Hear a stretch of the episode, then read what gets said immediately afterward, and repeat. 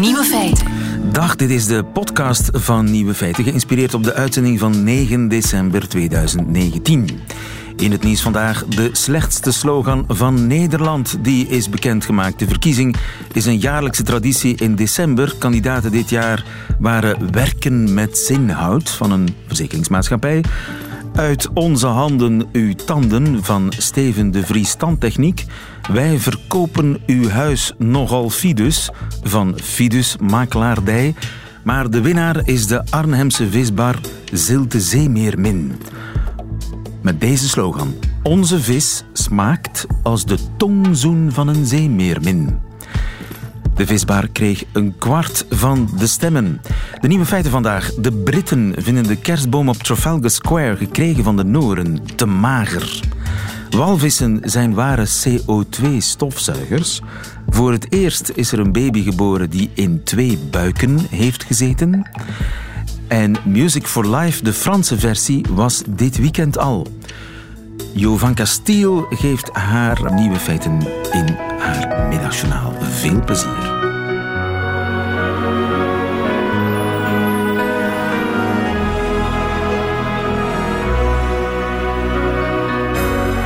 Nieuwe feiten. Ja, kerstveer alom, maar uh, in Londen is het meer oh, oh, dennenboom dan oh, dennenboom. Lia van Beckhoven, goedemiddag. Goedemiddag, lieve. Onze vrouw in uh, Londen, al meer dan uh, 70 jaar staat er in december een reusachtige spar op Trafalgar Square om de kerstsfeer te bevorderen. Pijs en Vree zou die kerstboom moeten brengen. Dit jaar niet. Nee, dit jaar is het anders. Uh, je hebt gelijk, sinds 1947 staat er een kerstboom en die komt op rekening van Noorwegen. Noorwegen biedt de Britten, uit dank voor wat ze gedaan hebben voor de Nooren tijdens de Tweede Wereldoorlog, sindsdien ieder jaar dus een kerstboom. Meestal is dat een spar van pakweg een meter of twintig. Hè. Dat betekent dat ze 50 of 60 jaar oud zijn. Maar deze keer mm, oogt hij een stuk magerder, wel langer, maar hij zit minder goed in het groen. En je kijkt er zo doorheen. Uh, de, ik heb hem gezien, de takken die hangen ook meer. Um, hij is kaler. Ja, en dat, uh, zoals je begrijpen zult, dat laten de Britten zich zomaar niet ongemerkt voorbij gaan. Veel boos geblaf op Twitter? Nou, boos teleurstelling. Uh, het commentaar ook van uh, omstanders, uh, maar zeker ook op sociale media en trouwens ook op de BBC en gevestigde media en kranten is: het is behoorlijk teleurstellend dit jaar. De boom ziet er bloedarmoedig uit, droevig ook, hè, met, die, met die hangende takken. maar anderen zeggen: ach, wat maakt het uit? Het gaat om de gedachte, om het symbool, vrede op aarde, samenwerking, ook in slechte tijden, vriendschap, bla bla bla. Uh, je moet een gegeven paard niet in de bek kijken. Maar ik denk dat um, uh, de burgemeester van Oslo een punt heeft, lieve. Uh, toen ze zei dat, kijk, wat de meeste mensen verwachten is een Disney-boom. Weet je wel? Een echte spar uit een echt bos kan gewoon niet aan alle verwachtingen voldoen. Van de andere kant, de boom laat het ook niet over zijn kant gaan. Kaal of niet. Natuurlijk heeft hij een eigen Twitter-account. Uh, op naam van de Londense deelgemeente Westminster. En uh, daarop werd gereageerd op de trolling. Hè, op het achterlaten van lelijke commentaren. Met. Ik dacht dat wij de trollen achtergelaten hadden in Noorwegen. De boom verdedigt zichzelf op Twitter. En niet alleen de boom, ook de ambassadeur van Noorwegen in Londen, ene Richard Wood, ja echt, die schreef: Zo ziet een 25 meter hoge, 90 jaar oude boom eruit. Het gaat om de symboliek en niet om de hoeveelheid takken. Maar wie heeft de boom gekozen? Dat is een hele goede vraag. Het is natuurlijk waar, het gaat om de symboliek. Maar inderdaad, je blijft zitten met de vraag: wie kiest er zo'n kale boom uit? En waarom is hij kaler dan die van de andere jaren? Want dat is een feit. Misschien omdat hij hè, met 24 meter toch hoger is dan, dan gewoonlijk. Misschien dat hij te dicht bij de weg stond, want ze staan aan de kant van de weg. Zo'n zo hoge boom kun je niet uit het midden van het bos trekken. Hij moet wel bij een weg staan. Uh, er komen, ik heb het allemaal voor je uitgezocht, er komen um, jaarlijks zo'n 20 bomen in aanmerking om um, tentoongesteld te worden in Londen. En deze was de beste. Weet je dat die bomen tien jaar geleden al aangegeven zijn als een boom met, uh, met potentieel voor Trafalgar Square? En in die periode, lieve, wat er gebeurt in die periode, hè, is dat boswachters en anderen de boom omhelzen. En potentiële Trafalgar Square bomen uh, ze, daartegen praten. En dat allemaal om groei te bevorderen. En volgens mij is het daar verkeerd gegaan. Er is niet genoeg omhelst en er is niet genoeg tegen die boom aangepraat. Nu, het is een jaarlijks ritueel. Hè? Die boom die wordt echt officieel gekapt in aanwezigheid van dignitarissen. Oh, ja. En de burgemeester van de deelgemeente Westminster, de burgemeester van Noorwegen, die zijn erbij. Die wordt gekapt in november. Um, en dan gaat die boom uh, per schip naar Londen. En dan wordt inderdaad de eerste, deze, de eerste donderdag in december. Wordt hij dan op Trafalgar Square, het dorpsplein van de natie, zal ik maar zeggen um, uh, wordt hij dan uh, ja, tentoongesteld en uh, op gehezen. En dan worden er 500 lampen ingehangen. En er komen honderden, zo niet duizenden mensen op af. Kijk, als, als die boom er eenmaal staat.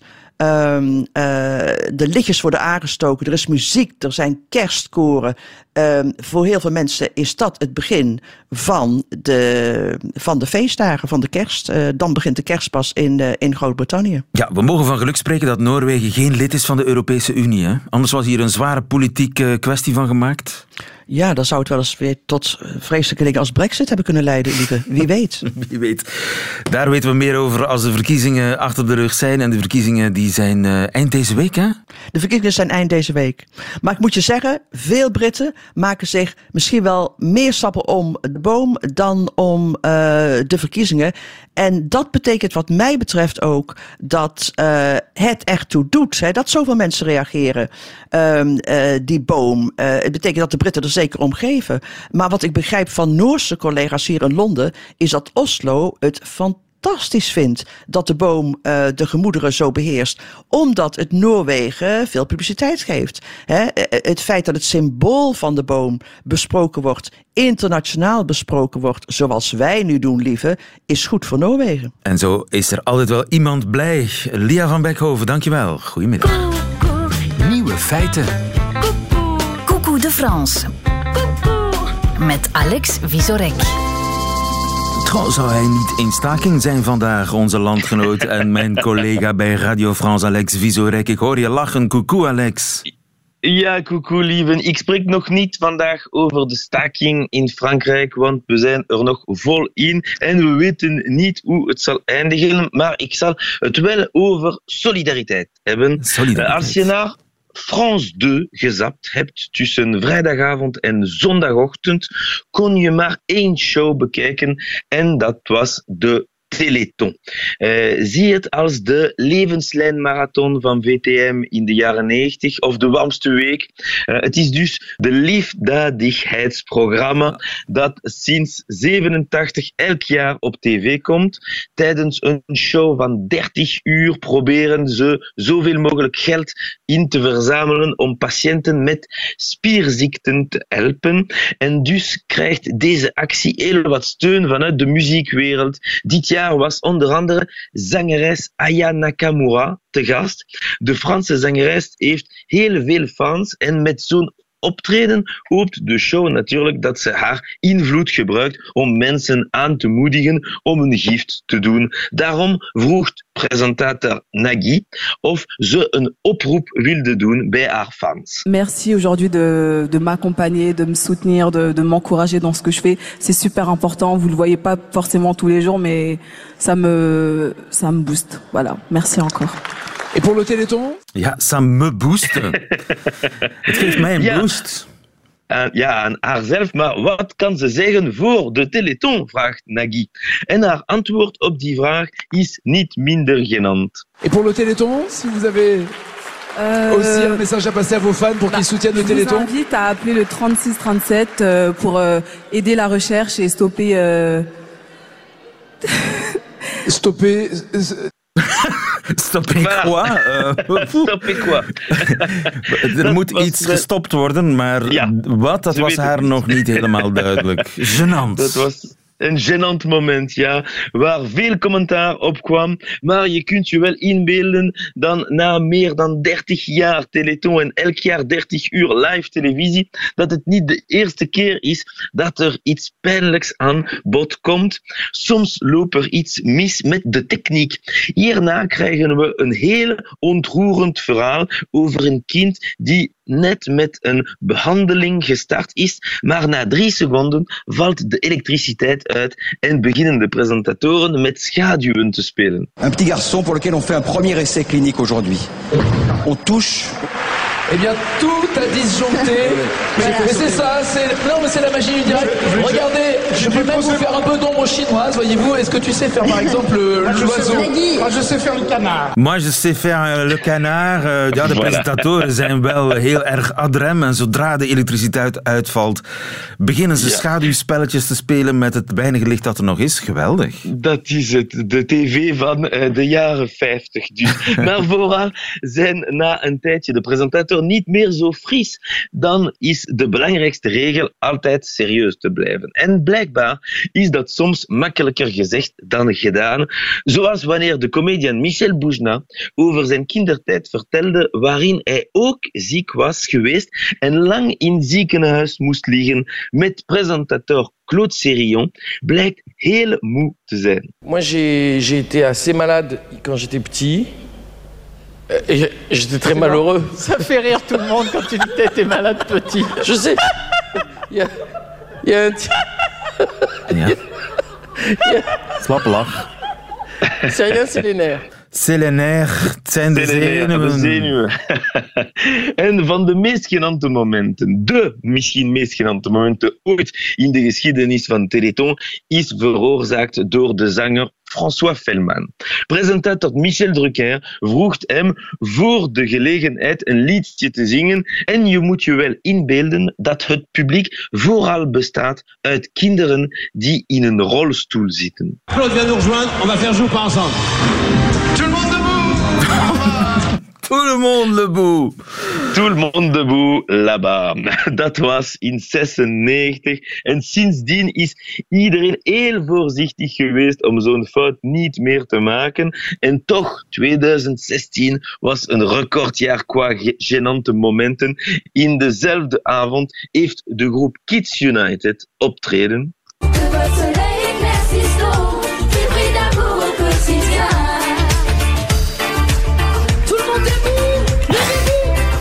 Levez-vous. Voilà. Hetzelfde fout. En kan het nog erger? Misschien.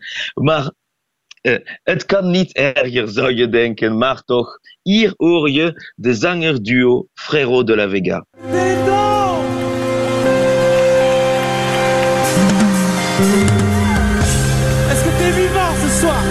Est-ce que tu es vivant ce soir Are you alive tonight? tonight. Oh, yes. voilà.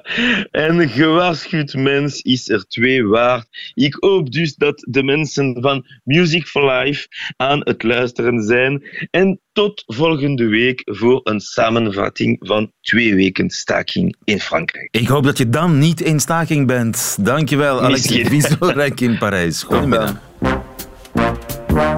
Nieuwe feiten. Twee mama's die zwanger zijn van hetzelfde kind. Dat kan tegenwoordig. Petra de Sutter, goedemiddag. Goedemiddag. Professor gynaecologie, hè? ook toch, nog altijd. Ja. Naast uh, politicus. Uh, baby Otis is de zoon van twee moeders, een lesbisch stel in Engeland. Letterlijk de zoon van twee moeders, want uh, hij is het eerste kind ter wereld dat kan zeggen dat hij in twee buiken gezeten heeft. Ja, wel, uh, ik, ik wil dat een beetje relativeren. Hij heeft toch maar een paar dagen doorgebracht in de baarmoeder van de ene vrouw en dan negen maanden de Hanse zwangerschap in de baarmoeder van de andere. Uh, wat heeft men gedaan? Men heeft de periode waarin bij een IVF-behandeling het embryo in het laboratorium doorbrengt, namelijk de eerste drie tot vijf dagen, heeft men dat embryo in een capsule in de baarmoeder van vrouw A uh, aangebracht. Daar zit een haakje aan aan die capsule. Na vijf dagen heeft men die capsule verwijderd en daar dan het embryo uitgehaald en teruggeplaatst op de klassieke manier in de baarmoeder van vrouw B. Ah ja, dus uh, moeder 1 legt het ei. Dat ei wordt in een capsule gestopt. Samen met zaad, want, want het zaadje moet er nog bij komen. Hè? Daar heb je nog een donor voor nodig het zaadje van een donor, dan vindt de bevruchting uh, van het embryo en, en van meerdere eicellen en embryo's aan. Dus die worden allemaal in die capsule gebracht. En die bevruchting, die wanneer, wanneer vindt die bevruchting plaats in het laboratorium nog? Nee, die, die vinden dus uh, plaats in die capsule. Hè. Dus na het wegnemen van de eicellen worden de zaadcellen en die eicellen in dat capsuletje meteen in de baarmoeder van de vrouw geplaatst. Daar mhm. vindt dan de bevruchting plaats. En na een aantal dagen gaat men dan eens kijken van oké, wat heeft ons dat opgeleverd? Net zoals we normaal in het laboratorium doen onder de microscoop. Ah ja, maar dus de eigenlijke bevruchting vindt plaats in de baarmoeder van de vrouw die het eitje gelegd heeft ja, gelegd heeft of waar men het verwijderd heeft. Dus bij lesbische koppels is dat iets wat, wat al, al vaker gebeurt. Hè? Dus dat de eicel van de ene vrouw gebruikt wordt en daar dan het kind uh, gedragen wordt door de andere vrouw. En op die manier is er eigenlijk ook wel een gedeeld moederschap. Maar dankzij deze nieuwe techniek heeft men eigenlijk de eerste dagen van de ontwikkeling meteen ook in die baarmoeder laten gebeuren van de vrouw van wie de eicel afkomstig is. Ah, dat is eigenlijk wat er gebeurt. Maar dus dat men een eh, een eitje van moeder 1 bij moeder 2 inplant, als het ware, dat is al vaker gebeurd. Ja, ja, ja dat, dat is een, een, een, ja, een manier voor lesbische koppels om een gedeeld moederschap te bereiken, die eigenlijk al twintig jaar lang uh, bestaat, die ook bij ons in, in België uh, in heel veel IVF-klinieken routine is sinds die tijd. en dat, dat is psychologisch natuurlijk voor beide vrouwen wel belangrijk. De ene vrouw is dan de genetische moeder van het kind en de andere vrouw heeft dan de zwangerschap gedragen en het kind ter wereld gebracht. Dus een soort draagmoederbehandeling of, en of eiceldonatie binnen dat ene lesbische koppel. Dat is iets wat al, al, al veel langer gebeurt. En, de nieuwe, het nieuwe van die... De nieuwe stap is dus dat de bevruchting als het ware in de buik van de eerste moeder nog plaatsvindt, zodanig dat het, het embryo, het foetus, in allebei de buiken heeft gezeten.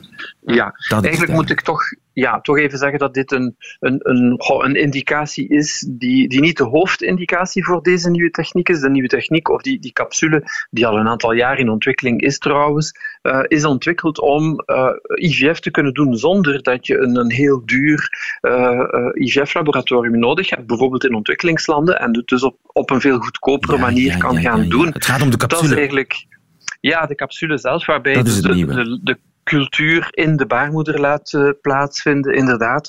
En, en om dat nu te doen bij lesbische koppels, om hen uh, ja, het idee te geven dat dat embryo ook uh, een aantal dagen bij die ene vrouw heeft doorgebracht, is, is de nieuwe indicatie die hier nu tot de geboorte van dat kind heeft geleid. Je kan daar toch wel wetenschappelijk wat, want het wordt een beetje voorgesteld alsof dat dan een voordeel betekent en een beter contact en uitwisseling met die eerste moeder tot gevolg heeft. En daar zijn absoluut geen wetenschappelijke bewijzen voor. Het enige wat het met zich mee kan brengen is een zekere psychologische band die gecreëerd wordt tussen die uh, twee vrouwen en dat kind. Ja, dus het zit eigenlijk louter tussen de oren en maakt het eigenlijk verschil voor het kind in wiens buik het wordt uitgebroed, als ik de plastische term mag gebruiken, krijgt de foetus iets specifieks mee van de moederkoek of de bacteriële omgeving? Doet het ertoe in welke buik het groeit? Wel, dat is een vraag die al heel lang bestaat en die heel veel mensen bezighoudt. Hè. Dus we, we, we gaan altijd uh, vooral de genetica uh, als belangrijkste factor beschouwen. Maar uh, ja, er is natuurlijk een uitwisseling tijdens de zwangerschap via de placenta van hormonen, van allerlei stofjes. En we weten bijvoorbeeld dat stress bij de vrouw in de zwangerschap wel degelijk gevolgen kan hebben, nadien ook voor het kind. En uiteraard levensstijl, alles wat die vrouw in die zwangerschap doet, roken, toxische stoffen enzovoort, zullen uiteraard de gezondheid van van het kind beïnvloeden. Of er een psychologische band bestaat die bijvoorbeeld bij draagmoederbehandelingen dan doorbroken wordt. Dat is voer voor eh, psychologen en psychoanalisten sinds vele jaren, maar eigenlijk nooit wetenschappelijk bewezen. Ja, het zit toch vooral tussen de oren, wellicht. Heel veel ervan toch, ja. Maar dat is ook niet onbelangrijk. Dankjewel, Petra de Sutter. Goedemiddag. Goedemiddag. Radio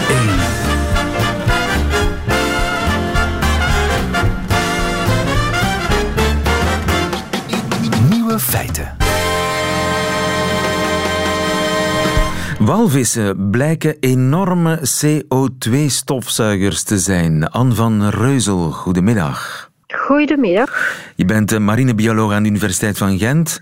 Het IMF, het Internationaal Muntfonds of Monetair Fonds, is op zoek gegaan naar de goedkoopste manier om CO2 uit de lucht te halen en ze komen uit bij de walvis. Verbaast u dat?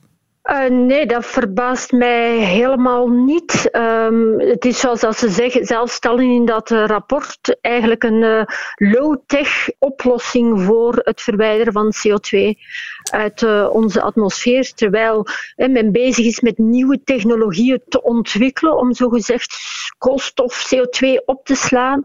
En die zijn veel, ehm, Af te vangen, veel kostelijker natuurlijk. En dan onder de oceaanbodem uh, op te slaan, dat is allemaal high-tech en duur. Maar er is iets dat uh, very low-tech is en eigenlijk helemaal niets kost. Dat is een walvis. Maar hoe doet hij dat, zo'n walvis, CO2 opslaan?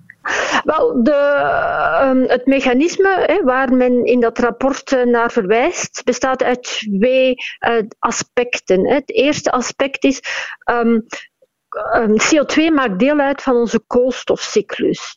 Dus enerzijds de grote biomassa die waar een walvis voor staat en waar dus de totale populatie voor staat, wanneer die afsterven en naar de bodem van de diepzee zinken, dan is dat eigenlijk koolstof dat wordt verwijderd uit die koolstofcyclus. Dus de bodem van de zee kan dienen als een soort bewaarplaats voor koolstof die niet in de cyclus, die geen, niet langer deel maakt voor duizenden jaren van die cyclus. Ja, dus dat, blijft op die oceaanbodem liggen. En hoeveel ton CO2 heeft zo'n walvis in zijn carrière, in zijn leven opgeslagen? De, de, schattingen die, die, die door wetenschappers worden gemaakt, is dat dat zou gaan over 33 ton ongeveer. 33 ton CO2? Ja, heeft zo'n walvis uit de lucht gegaan. En is dat, zonder al te technisch te worden, hij ademt CO2 in? Ja, dus door CO2, CO2 wordt door respiratie omgezet in koolstof. Die zinkt wanneer een walvis sterft naar de bodem.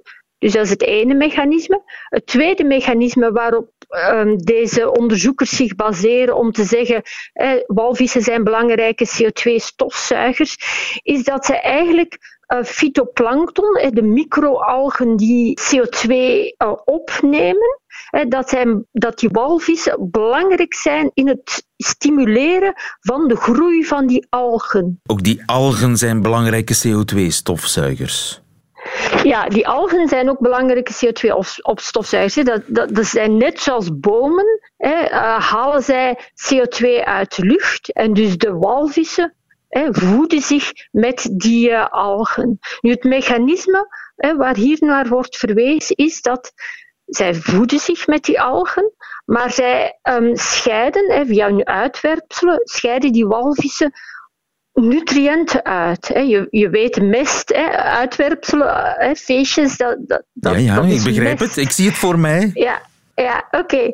En dus die, uh, die, die, die walvisuitwerpselen, die zijn rijk aan nutriënten. Nu migreren die walvissen. Die migreren uh, bijvoorbeeld van uh, polaire gebieden, van onze Noord- of Zuidpool, waar dat er veel algen aanwezig zijn.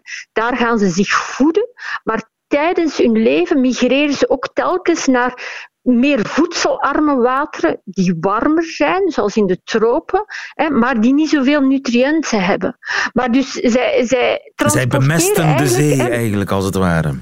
Zij bemesten de zeeën hè, en zij brengen mest van voedselrijke naar voedselarme gebieden. Ja, ja. dus uh, zij verdienen een medaille in de CO2-opzuigkunde, als het ware. En nogthans, ja, ze zijn bedreigd. Het zijn er te weinig. Ja, maar inderdaad, hè, um, het is historisch natuurlijk. Hè. Men heeft lang uh, walvisjacht toegelaten. Nu zijn daar uh, strikte uh, regulaties rond. Dus in die zin ziet men wel herstel. Maar er zijn natuurlijk andere bedreigingen. Bijvoorbeeld um, uh, scheepvaart hè, of visserij, in die zin dat walvissen nog altijd terecht kunnen komen, hè, wel, wel accidenteel in, in netten. Uh, of dat ze um, een uh, botsen, botsen hè, met, met scheepvaart, met, met grote schepen op hun, op hun route. Um, dus dat is nog altijd een belangrijke doodsoorzaak van uh, walvissen. Anderzijds heeft men ook uh, natuurlijk nieuwe uitdagingen. Hè. Plastic. Er was onlangs nog in de pers een, een, uh, een potvis die aanspoelde in, in Schotland met 100 kilo plastic in zijn maag. Nog een reden te meer om, om de oceanen netjes te houden. Om onze Absoluut. walvissen te stimuleren. Want één walvis ja, is uh, duizenden bomen waard als we het hebben over CO2-opslaan. Ja, absoluut. absoluut ja. Dankjewel, Anne van Reuzel. Goedemiddag. Graag gedaan. Radio 1. Nieuwe feiten. Dat waren ze, de nieuwe feiten van 9 december 2019. Alleen nog die van Jovan Castiel hoort u in haar middagjournaal. Nieuwe feiten. Middagjournaal. Goedemiddag. De laatste tijd heb ik veel gelezen over co-housing. Gezellig samenwonen met meerdere gezinnen in hetzelfde huis. Er zijn voordelen. Er zal altijd veel activiteit zijn. Er zal altijd iemand zijn die wilt babbelen en je zal nooit alleen zijn. Er zijn natuurlijk ook nadelen. Er zal altijd activiteit zijn. Er zal altijd iemand zijn die wilt babbelen en je zal nooit alleen zijn. Je zal voor alle dingen die je wilt doen eerst een vergadering moeten houden en toestemming van iedereen moeten krijgen. Het kan iets simpel zijn. Je vindt een gewonde duif en je wilt hem thuis verzorgen. Simpel niet? Nee, eerst moet je het idee voorstellen en wachten terwijl 15 mensen op hun wollen sokken erover stemmen. Dan zegt iemand: Ja, sorry, maar Sven is bang van vogels, dus dat gaat niet. En je moet je neerleggen bij alle dingen die de meerderheid van mensen in het huis leuk vinden. We hebben gestemd en het is 14 tegen 1. Javaga is de enige die geen Justin Bieber weekend wilt. Dus ons Justin Bieber weekend gaat gewoon door. Woehoe! En als je dan op een dag op bed wilt liggen om te rusten, misschien omdat je een pauze nodig hebt van alle domme co-housing regels, dan hoor je plots... Hallo, Jovanka, het is jouw beurt om de toiletten schoon te maken. Kom aan, we kunnen niet met onze Helmet Lottie Week beginnen tot je dat doet. Allee! En als je het co-housen daarna echt niet meer aan kan en je denkt dat je gewoon kan verhuizen, dan moet je het op de volgende vergadering aan iedereen voorstellen. En hopelijk zullen ze stemmen om je vrij te laten. Want anders moet je daar blijven co-housen tot het einde der tijden. Nee, dank je wel. Tot morgen.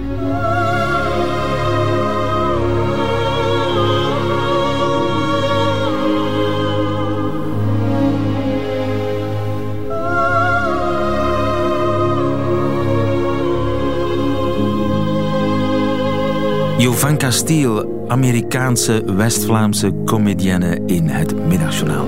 Einde van deze podcast. Hoort u liever de volledige uitzending met de muziek erbij? Dan kunt u terecht op de app van Radio 1 of op de site van Radio 1, waar u nog veel meer fijne podcasts vindt. Tot een volgende keer.